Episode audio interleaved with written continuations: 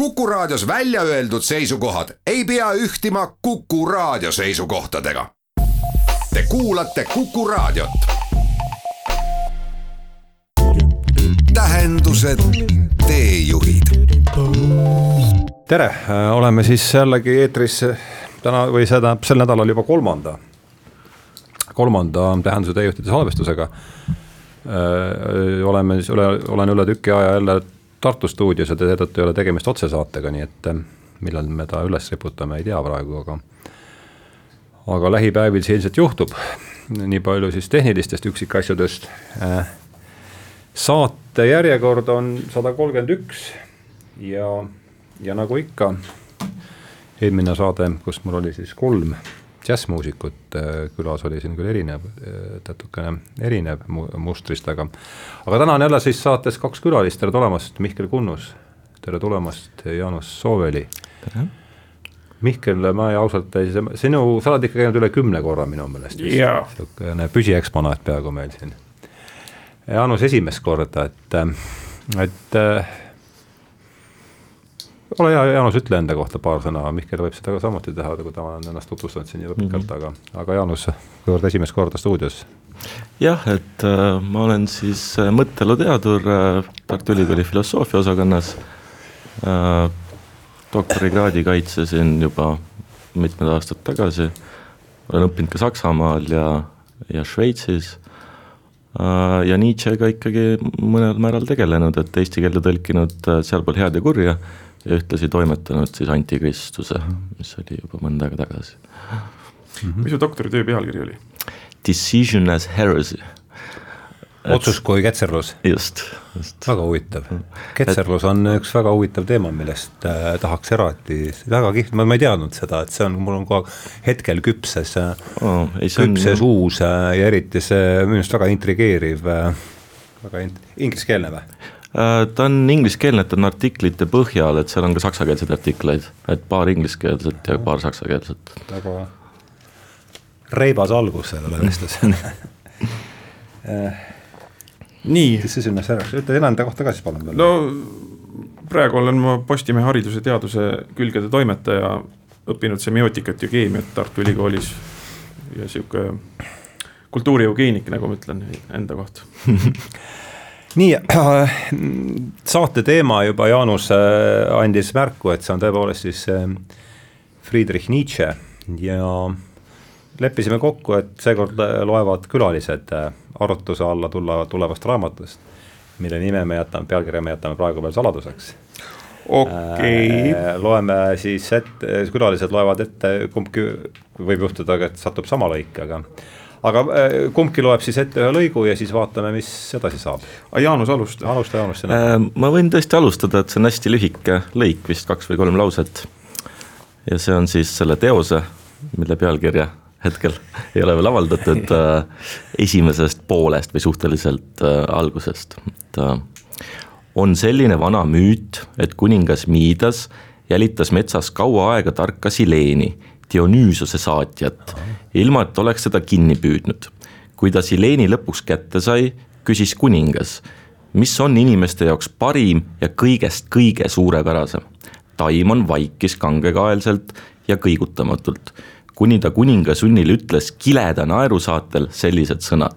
armetu ühepäeva sugu, juhuse ja vaeva lapsed, miks sa sunnid mind endale ütlema seda, mida sul pole sugugi kasulik kuulda kõigist parem on sinu jaoks täiesti kättesaamatu, üldsegi mitte sündinud olla hmm., mitte olemas olla, olla mitte miski.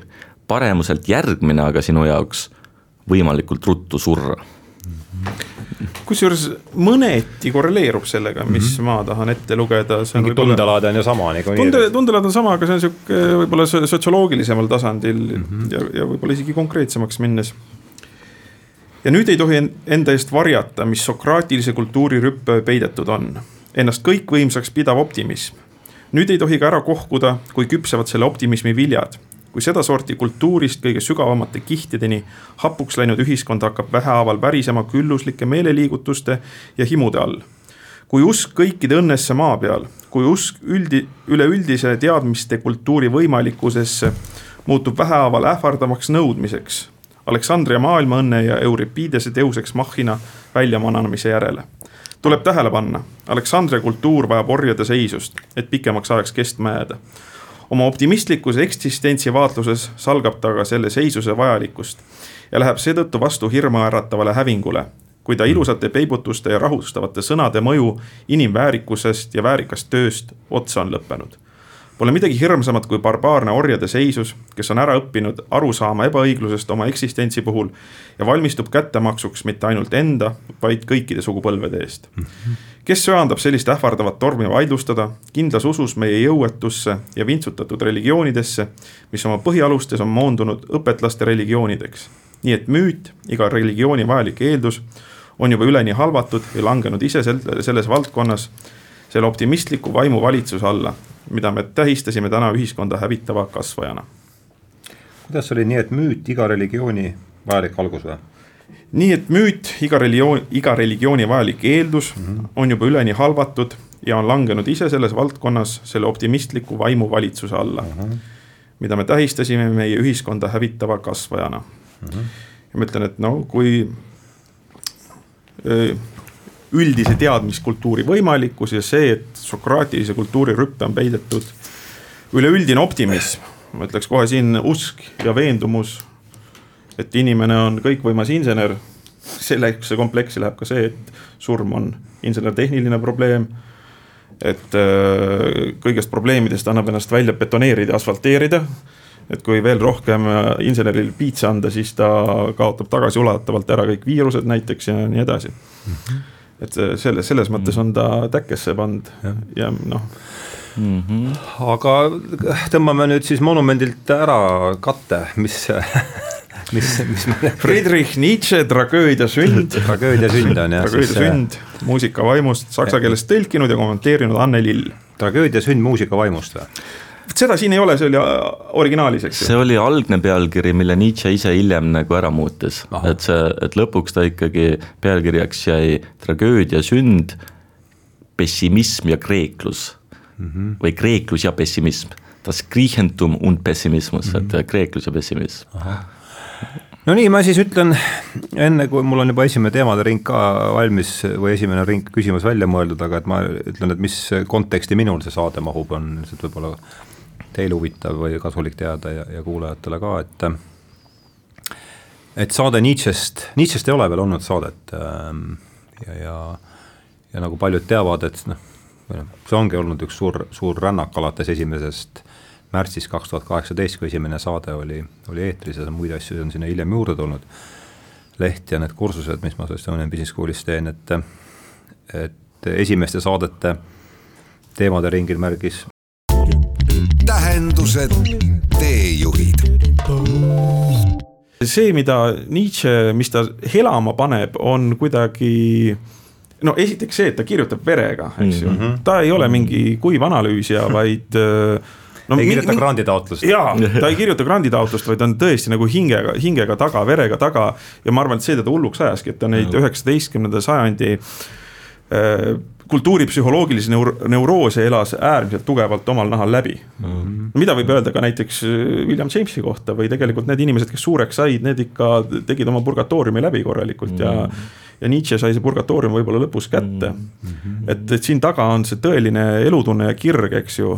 Et kui ta ütleb, et jumal on surnud, üks tema tuntumaid kujundeid või tsitaate, siis on see sihuke meeleheitlik karje või avastus mm, -hmm. eks ju. Mhm. ta ei deklareeri võidukalt. ja seda rõhutas Peterson meie korda, et see on. ja, et see on avastuskarje pigem. just nimelt, just nimelt. et, et see paneb, teeb selle teksti nii mõjusaks ja elavaks, eks ju, et ta on siin verega taga eks ju, ta mm. teab, millest ta räägib, ta on läbi tunnetanud see, millest ta räägib. Ta on jah.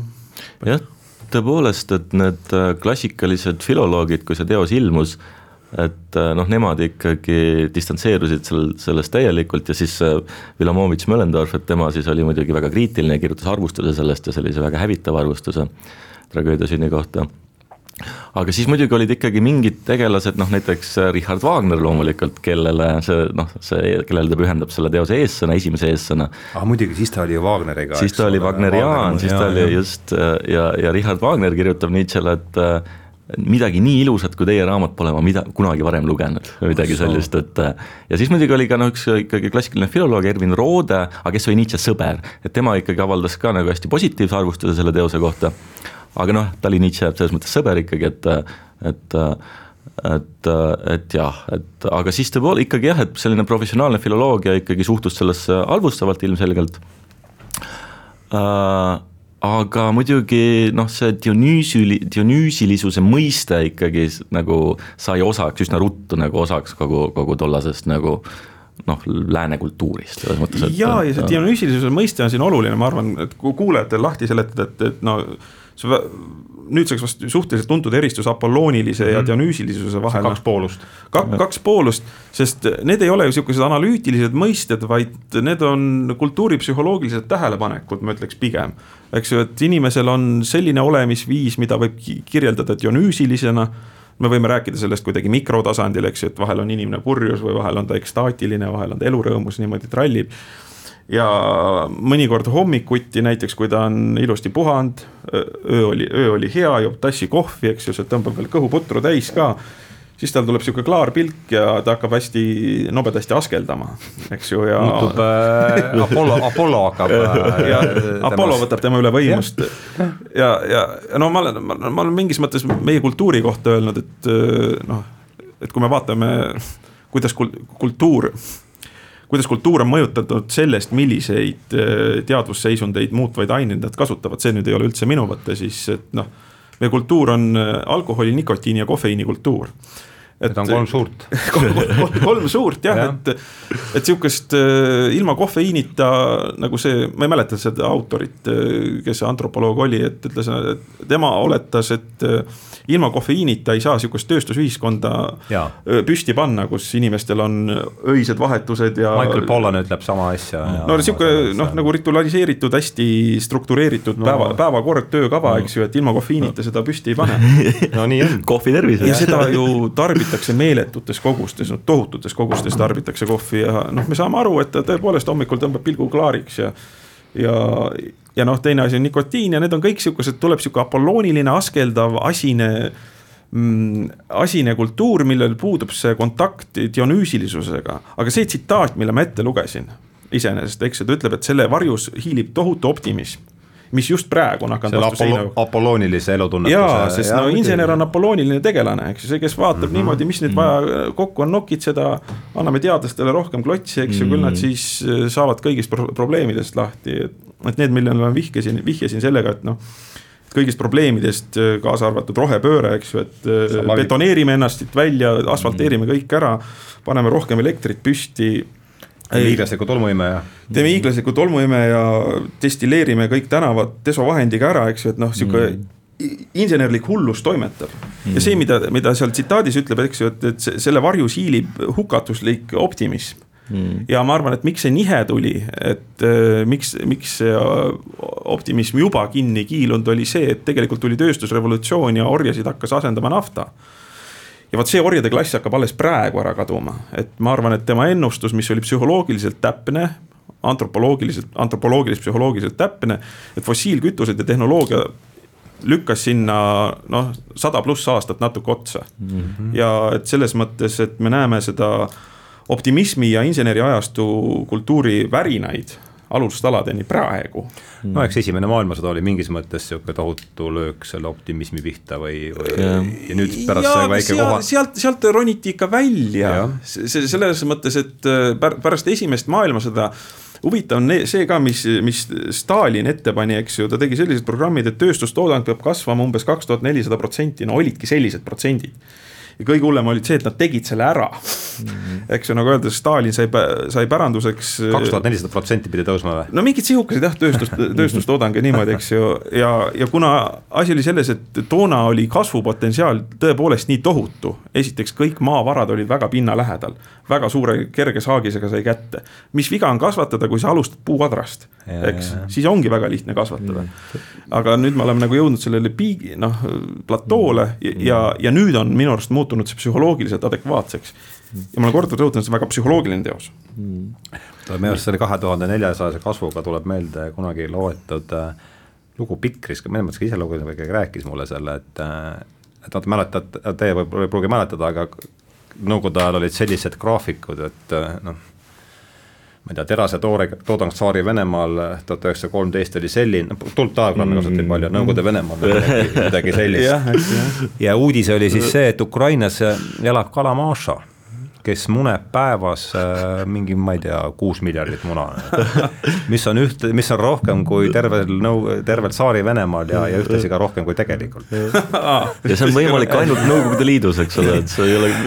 no ei tea, mulle tundub, et viima-, viimastel aastatel tundub mulle järjest enam, et see on ka mujal võimalik, aga aga noh, võib-olla see on see vana, mis tuleb kaasa sellise mm, vane, vananemisega rohkem, aga küsiks Jaanuse käest äh, ma olen teinud siin märkmeid ja ma niidi otsi kirja pannud, et mida siis tegelikult, mida see Vilamovitš äh, Möllendorf raamatule ette heitis ja selle käigus mm. saame ka siis järsku teada, mida, mida ta siis õigupoolest kirjutas võib-olla see, et mida ta siis, mis oli see, mis on tuum ja mis mm -hmm. ei sobisenud sellele uh,? noh, esiteks uh, Nietzsche ei lähene nagu tragöödia probleemile, ütleme allika kriitiliselt või, või, või selles mm. mõttes, et ta noh, ta viitab väga vähe igasugustele allikatele ah,. see on juba paha. see on juba väga paha ja noh, ta ei noh, ei kasuta selliseid tüüpilisi äh, filoloogia allikakriitilisi meed-, noh, äh, meetodeid mm., et et see on muidugi üks asi, et, et, et see on nagu lihtsalt selline noh, Villa, Villamovitš Möllendorfi arvates selline spekulatiivne aa, pseudo, tegemist on pseudoteadlasega. just nimelt, tegemist ja, ja. on, on mingis mõttes pseudoteadusega, aga noh, ilmselgelt Nietzsche tegelikult neid allikaid nagu tundis äh, suurepäraselt, sest ta oli ju ikkagi äh, äh noh, antiikkultuuri spetsialist selles mõttes mm, -hmm. aga sellest teosest ta tõesti nagu noh, viiteid tal praktiliselt ei ole. Äh, ja, ja see on tõesti nagu selline spekulatsioon tragöödia teemal ja selle teemal, mida tragöödia võis äh, kreeklastele tähendada Äh, ja miks oli kreeklastel üldse tragöödiat tarvis mm. -hmm. ja muidugi ta nagu siis nagu lahkneb nagu mitmel puhul sellisest tollal valitsevast arusaamast, et kreeklasi kujutati sageli selliste naiivsete, rõõmsate, nagu hästi kuidagi nagu ilutundlike, ma ei tea, ilutundliku rahvana, eks ole äh, kus nagu ei olnudki mit-, noh, kui see olümpo, see Olümpose jumalate maailm, eks ole, selline helge. kas see võib olla, et see romantistlik ajastu projitseeris ennast ise Kreekasse, eks ole, just mulle tundub, jah, jah.. absoluutselt, et selline, seal oli selline klassitsist nagu Winkelmann, et tema Aha, just lõi selle pildi. eks ole. just, just, just. mm,, et äh, ja siis valitseski tollal selline nagu arusaam kreeklastest, selline, et noh, selline naiivne, rõõmus, helge, eks ole, rahvas, kultuur. Äh, ja siis Nietzsche muidugi nagu pööras sellise arusaama mingis mõttes pea peale, mis okay. samamoodi loomulikult Möllendorfile ei saanud see, meeldida. see ärritas, eks. see ärritas, et, et tegelikult seal oli ikkagi see noh, seesama äh, lause, mis ma alguses ette lugesin, et äh, see, see selline pessimism, eks ole, et, et, et see Sileenuse tarkus, et, et kõige parem asi on nagu üldse mitte olla või olla mitte miski ja teisena parem, et võimalikult kiiresti surra. et, et, et sellise nii-öelda naiivse helge kultuuri taustal oli tegelikult, aluspõhjas oli tegelikult ikkagi noh, mingi, mingi tohutu pessimism eks ole, või mingi tohutu traagika nagu kogemus või tunnetus. ja siit noh, see nagu, nagu äh, Mihkel rääkis, et noh, sellest optimismist, eks ole, sellest optimismi poolest. et, äh, et, et tõepoolest, et äh, et tegelikult Kreeka kultuuraluspõjas oli just mingi selline tohutu traagika, selline, selline kuristikulisus, selline kuristikuline pessimism. vaata, see on, tuleb mulle meelde kohe Võlumäest peatükk Lumi kui Harstorp näeb seda, ma ei tea, kas see tuleb sulle, millal sa lugesid Võlumäge? üsna ammu juba. vaata, ka peatükis Lumi näeb, Hans näeb und, kah üks on see, täpselt ongi see apollooniline pilt, mm. tuleb sulle meelde? Apollooniline, see on, see on täpselt seal on see vastandus ja, ja väga ja, ilusti ja, poeetiliselt välja joonistatud. ja, ja see on nagu just, just, et see on nagu psühho, psühholoogiline, miks, miks oli Friedrich Nietzsche pseudoteadlane, just sellepärast, et ta kasutas äh, psühholoogia vahendeid. ta kujutas, kujutles ennast sellesse maailma, mis tunne on olla kreeklane toona mm. -hmm. selle kultuuri liige, eks ju, ta kasutas just, empaatiat, ta kasutas just, kujutlusvõimet. analoog, töötas analoog, analoog. ta töötas analoog, analoogsignaali pealt ja noh, näiteks Spengler, kes on äh, samamoodi väga kõrgelt Nietzsche't äh, hin-, hindas just tema meetodi poolest, et äh, noh, Spengler on samamoodi, Spengleri on samamoodi, eks ju, need, kes vaatavad, kontrollivad fakte ja allikaid, eks ju, need lasevad Spengleri ka sõela põhjaks. aga, sest asi on selles, et sellist tüüpi inimesele on sihuke teatud faktiline korrektsus noh, mingis mõttes teisejärguline, sest ta kasutab seda psühholoogilise seisundi väljendamiseks. ja, ja loomulikult range teadusega me ei saa ligi eks ju, sihukestele nendele psühholoogiliselt. et see ongi nagu teine asi, et, et nagu Vana-Kreeka kuur, kultuuri ikkagi nagu kujutati sellise nagu või kaasaegse kultuuri ja Vana-Kreeka kultuuri vahel ikkagi kujutati või nähti sellist tohutut distantsi tegelikult, eks ole, et, et me oleme mm. neist kuidagi nagu lõpmatult kaugel, eks ole, et et noh, see on see tüüpiline see ranke, see ajalooteaduse lause, eks ole, et et noh, et. viiest Eigentliche Wesen. just nimelt, et tuleb see nagu äh, selgeks teha ja mitte nagu täiesti loobuda igasugustest nagu seostest oma kultuuriga, vaid sa ei tohi mm. nagu oma kultuuri nagu sisse tuua, kui sa uurid mingeid ajaloolisi allikaid ja nii edasi. noh, ilmselgelt see on nagu võimatu, sest me alati toome ennast kuidagi sisse. aga, aga Nietzsche siis tõesti püüab nagu näidata ikkagi, et sellel Kreeka kultuuril ja sellel Kreeka tragöödial on meiega nagu tegelikult hästi palju pistmist, eks ole. et, et, et, et, et ei ole niimoodi, et, et on mingi tohutu distants või kuristik seal vahel, eks, ja, ja et me saame sellelt Kreeka kultuurilt tohutult palju nagu õppida ja lõpuks isegi nagu oma kultuuri selle kaudu kuidagi uuendada. selles mm -hmm. mõttes see on nagu lõpuks Just. selle, selle tragöödia sünni mm -hmm. äh, äh, noh, kaugem eesmärk, ütleme. ja, ja minu arust on just praegu selles mõttes, et üks võimalus äh, on, on see, et just, just praegu on tragöödia sünd erakordselt äh, noh, võiks olla väga suure mõjuga, sest äh, praegune meie optimismikultuur on ka ilmselgelt vastu seisma jooksmas just ökoloogiliste ja klimaatiliste prognooside poolest, et kui me vaatame noori, noori inimesi ja mitte ainult noori, eks ju, väga ränk mm., väga ränk ja suur pessimism ja see, millest Friedrich Nietzsche räägib, ongi üks keskne sõnum, kuidas kreeklased pessimismi ära võitsid, eks ju, kuidas just. pessimismiga elada ja see on psühholoogiline kohenemine. tragöödia sünd, ma saan aru või?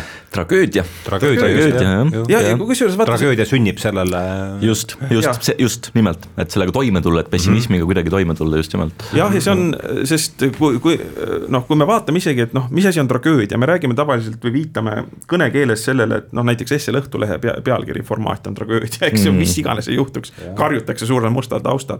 või noh, et tragöödia on, no Estonia põhjaminek on tragöödia, mingi liiklusõnnetus on tragöödia, kuskil jälle juhtus mingi tragöödia.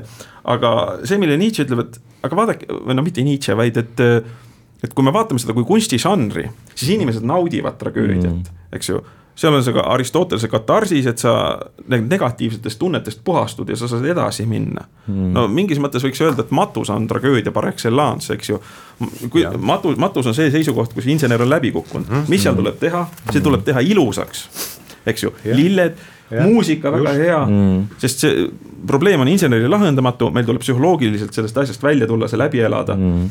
ja mm, Nietzsche laiendas selle kogu kultuurile, eks ju, kui see kultuur on jõudnud mingisse pessimistlikku ummikusse mm. või no isegi mitte ummikusse, vaid olemisviisi siis just see, et kuidas see ära võita mm., et seal on noh, tohutu lootus. aga siin ma noh, noh selles mõttes täpsustaksin, et et Nietzsche ikkagi ei taha nagu või Nietzsche järgi ikkagi tragöödia ei aita meil nendest negatiivsetest kuidagi elamustest või tunnetest kuidagi nagu puhastuda. elada. et, et, et see oli nagu Aristotelese tõlgendus tegelikult, et, et, et tragöödia aitab meil nagu mingeid ohtlikke afekte maha laadida eks ole, et me vabaneme või puhastume neist, kui me, kui me vaatame tragöödiat või mingeid traagilisi juhtumeid siis Nietzsche järgi ikkagi seda puhastumist või sellisel viisil, et ei toimu et, äh, et see käib natuke teistmoodi, see on päris keeruline mehhanism tegelikult, mis seal, mis seal täpselt äh, sünnib, aga me vist jõuame sinna. no ja, ja selles mõttes me elame, eks ju, et, et, et tema räägib ikka sihuke psühholoogilise eksistentsiaalsel tasandil, sihukeses kõige süvapsühholoogilisemas kultuuri häälestuse võtmes. No ühesõnaga tähtis vahejäreldus minu jaoks on siis siin see praegu, kes ma ei ole selle Rodeosega tuttav, on see, et tragöödia on viis pessimismiga toimetulekuks Just ja, ja see Nietzsche toob, pöörab tähelepanu siis sellele romantismi pohmelusele võib-olla natukene või? võib-olla isegi rohkem valgustuse pohmelusele. valgustuse pohmeluse jah, sest romantism no, kasvab omakorda ju välja ja just, just. sest äh, romantism oli mingis mõttes katse ülevalgustatud maailma estetiseerida. Mm -hmm. nii, Nietzsche läheb no mingis mõttes mm -hmm. veel kaugemale. mingis mõttes läheb edasi mm -hmm. selle, seda. jaa, sest eks ju Nietzsche.... ülevalgustatud maailma estetit-, estetitseerimine. siin ta ütleb, et inimese eksistents on õi-, või noh, eksistents üldse on õigustatav ainult esteetilise kategooriana. see ongi sealtsamast. jaa see on meeldejääv tsitaat. see, see, see on oluline tsitaat, sest hil, hiljem, kui ta kommenteerib seda oma Ecce Homos, mis on huvi, huvitav raamat selles mõttes, et siis äh, oma eluõhtul noh, ta ei olnud küll väga vana, aga siis ta vaatab oma teostele tagasi ja siis ta ka ütleb, et noh, üks asi on see, mis siin tragöödia sunnis on, aga teine asi on, oluline on see, mis siin, mida siin ei ole. siin on täielik vaikimine Sokratesest ja Jeesusest. Mm.. et need on noh, neid ei ole. Ja, ja noh, Sokrates tähendab siin äh, usku mõistusesse, ratsionaalsuse aluse panija. ja Jeesus on sihuke kaastunne ja headus mm. -hmm. ja, no siin on võib-olla oluline mainida veel see, eks ju, tragöödia sünd tuli seitsekümmend kaks välja ja tuhat kaheksasada viiskümmend üheksa ehk siis kolmteist aastat varem Äh, sündis Inglismaal sihuke tekst, mida ei ole siiamaani suudetud ära seedida, see on Darwini liikide tekkimisest. et äh, Nietzsche luges Darwinit väga huvi ja õhinaga. ja, ja ta täitsa suhestus sellega põhjalikult selles mõttes, et noh, sest ka darwinismist tuleb ju tegelikult väga sünge sõnum inimkonnale. Ter tervikuna, et see on, see on väga sünge sõnum, mis sealt absoluutselt. tuleb no darwin, darwinism mingis mõttes pöörab sellise religioosse maailmavaate pea peale, eks ole, või no, et ta on nagu noh, pole ime, et tänapäeva teoloogid, mis tänapäeva ju kahekümne sajandi teoloogidele nagu kõige suurem väljakutse on olnud darwinism. ja nad on mm. püüdnud seda ühel või teisel viisil kuidagi kas integreerida, muidugi mingi osa lükkab selle kohe kõrvale, eks ole, see ei vasta tõele, aga mingi teine osa püüab seda kuidagi integreerida. et absoluutselt, loomulikult ja Nietzsche'l oli tõesti Darwiniga nagu, nagu paljugi pistmist, et ta oli ka Darwini suhtes kriitiline mingites aspektides, aga, aga see lähenemine on siiski noh, ikkagi. ta võtab Darwinit tõsiselt ja evolutsiooni võtab ja, tõsiselt, loomulikult seal on noh, näiteks see elutahe, eks ju, kui me vaatame, mis hingestab kõiki liike, siis see on, no tema ütleb, et noh, on võimutahe, ta toob selle täpsustuse, eks ju, et kui me vaatame neid igasuguseid mutukaid tegelasi, nad tahavad paljuneda ja võimu omada ja sihukest mm., eks ju, et see ei ole lihtsalt eksistentsi mm. ja olemine, eks ju, nad ei ihka eksistentsi, nad ihkavad ole, enamat aga traagiliseks teeb selle see, et äh, see on noh, me konkureerime, kõik organismid konkureerivad mingitele ressurssidele ja on lõplikud ja nii edasi, eks ju, et sealt tuleb see väga-väga traagiline müüt ja loomulikult veel see, miks ta on oma, oma teises väga tuntud teoses Antikristus. ütleb, et siit, äh, et see, et kristlus on kuritegu par excellence, on kuritegu elu vastu mm. -hmm. see on, see on Antikristuses, eks. ja, ja, ja just sellepärast, et ta jutlustab äh, surmajärgset, surmajärgset maailma, et surmajärgne maailm on kuidagi olulisem ja tõelisem mm. -hmm. ja teine asi, mida ta väga ette heidab, on see, et no, Kristus paneb... on platonism asjadele nagu. jaa, seda ta ütleb ka. seda ta ütleb, eks ole, see on ju tema, täpselt, see on tema tsitaat.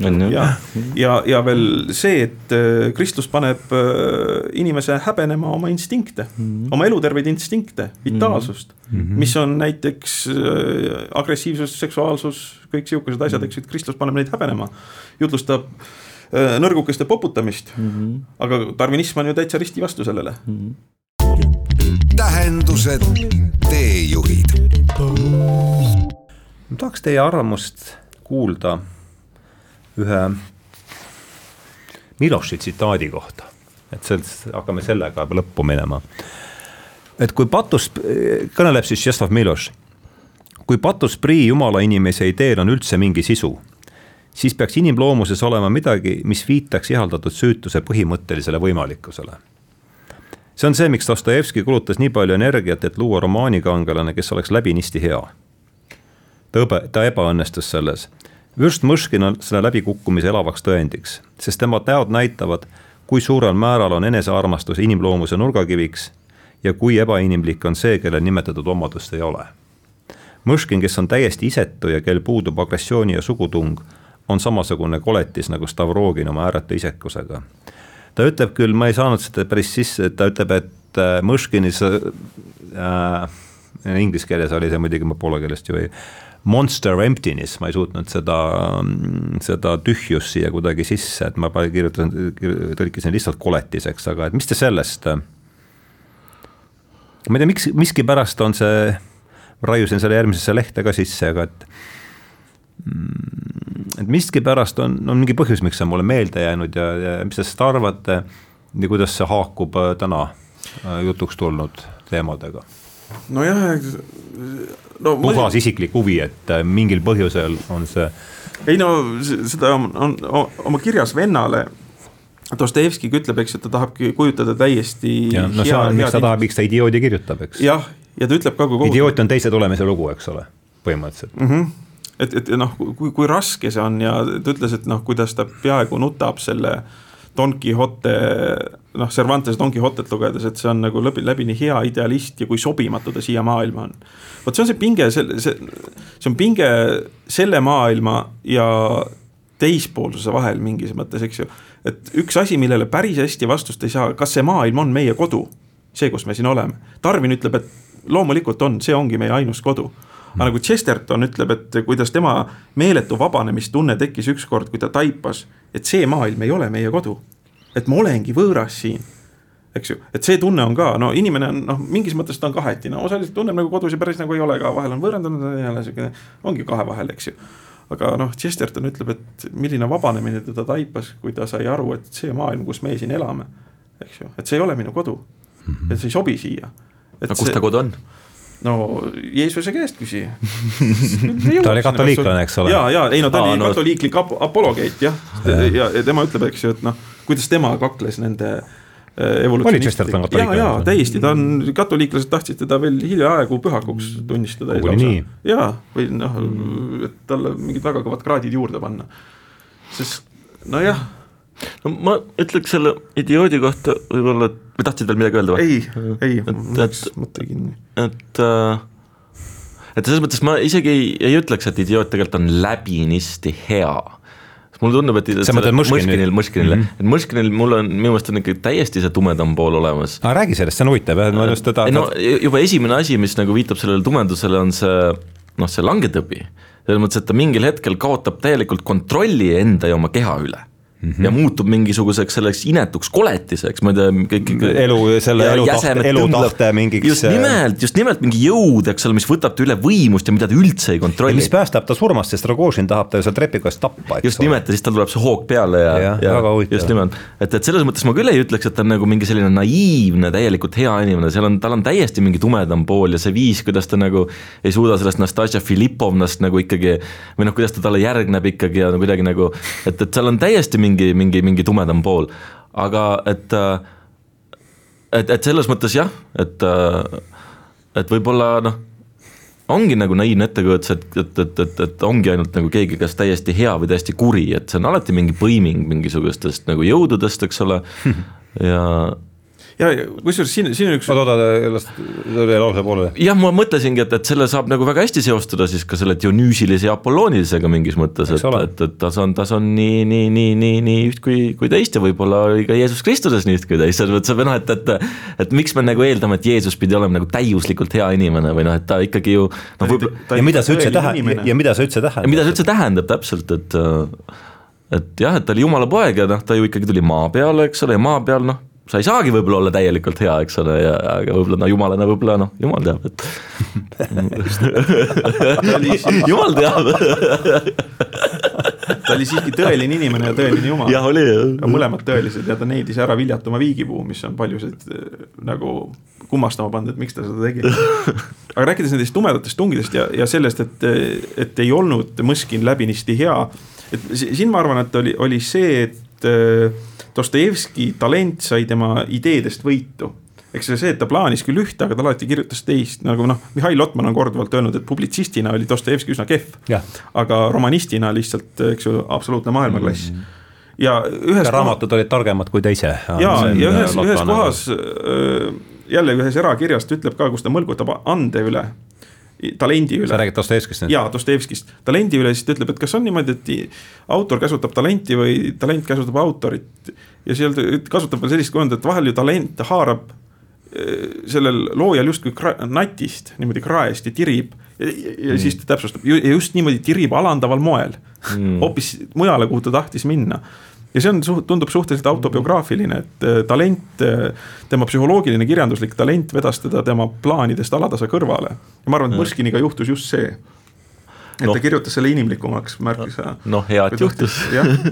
Kirjanduslikus mõttes. kirjanduslik taimon võttis üle juhtimise. aga noh, samas Dostojevski ise on ka nii kompleksne, et, et võib-olla see headus või see, kuidas ta headust ette kujutab, et see ei ole üldse mõistetavgi ilma mingisuguse selle tumeda kuristikulise taustata, selles mõttes, et, et seadus saab ainult esile tungida, kui Jah. seal on see kurjus ja see kuristik. ja, ja, ja sellepärast ka Mõškinil peab see olema, sest muidu see ei oleks seadus, noh et tal, tal peab olema see taust, see tume taust, eks ole. Vari, et vari nagu Jung ja, ütleks. või nagu Jung ütleme. jah, et see noh, jah, kahtlemata see oli nii.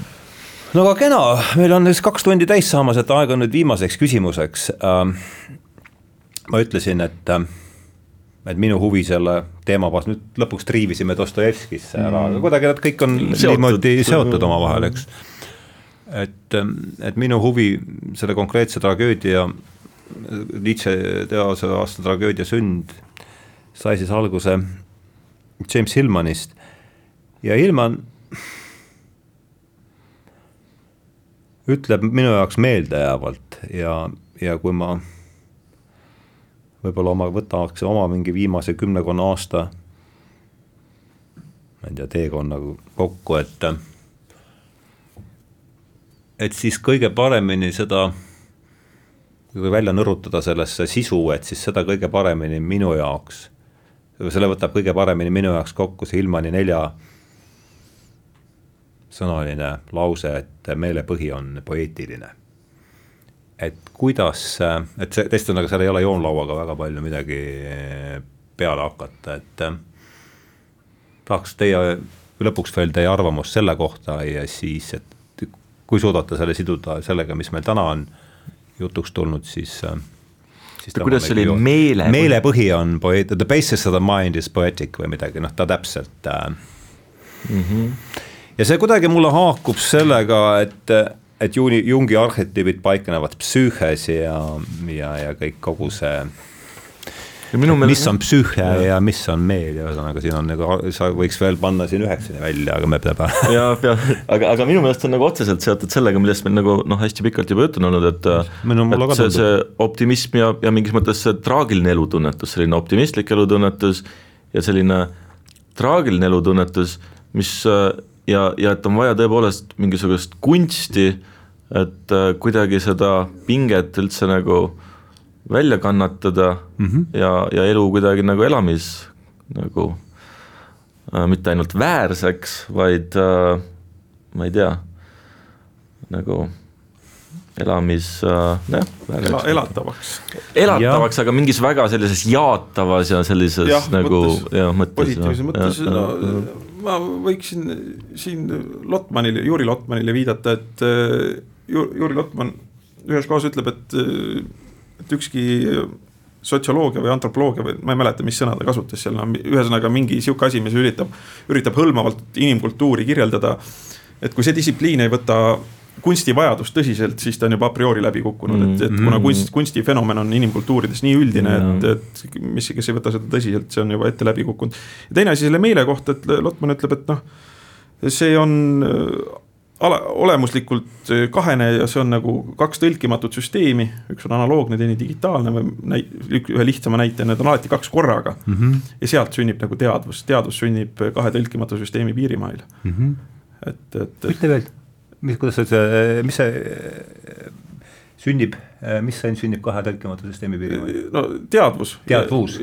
Consciousness. jah, ka, ka see jah. teadus ja, ja, ja kusjuures see on, see on üks, üks, üks essee, kus ta räägib äh, äh, see, tal mingi kutsuti vist mingile küberneetika konverentsile või umbes selline asi, et kuidas juba siis oli see, et kuidas teha seda teadust ja siis ta ütleb, eks ju, et äh, arvutid tegelevad ainult digitaalkoodiga, aga noh, inimeses on ana analoog ka mm.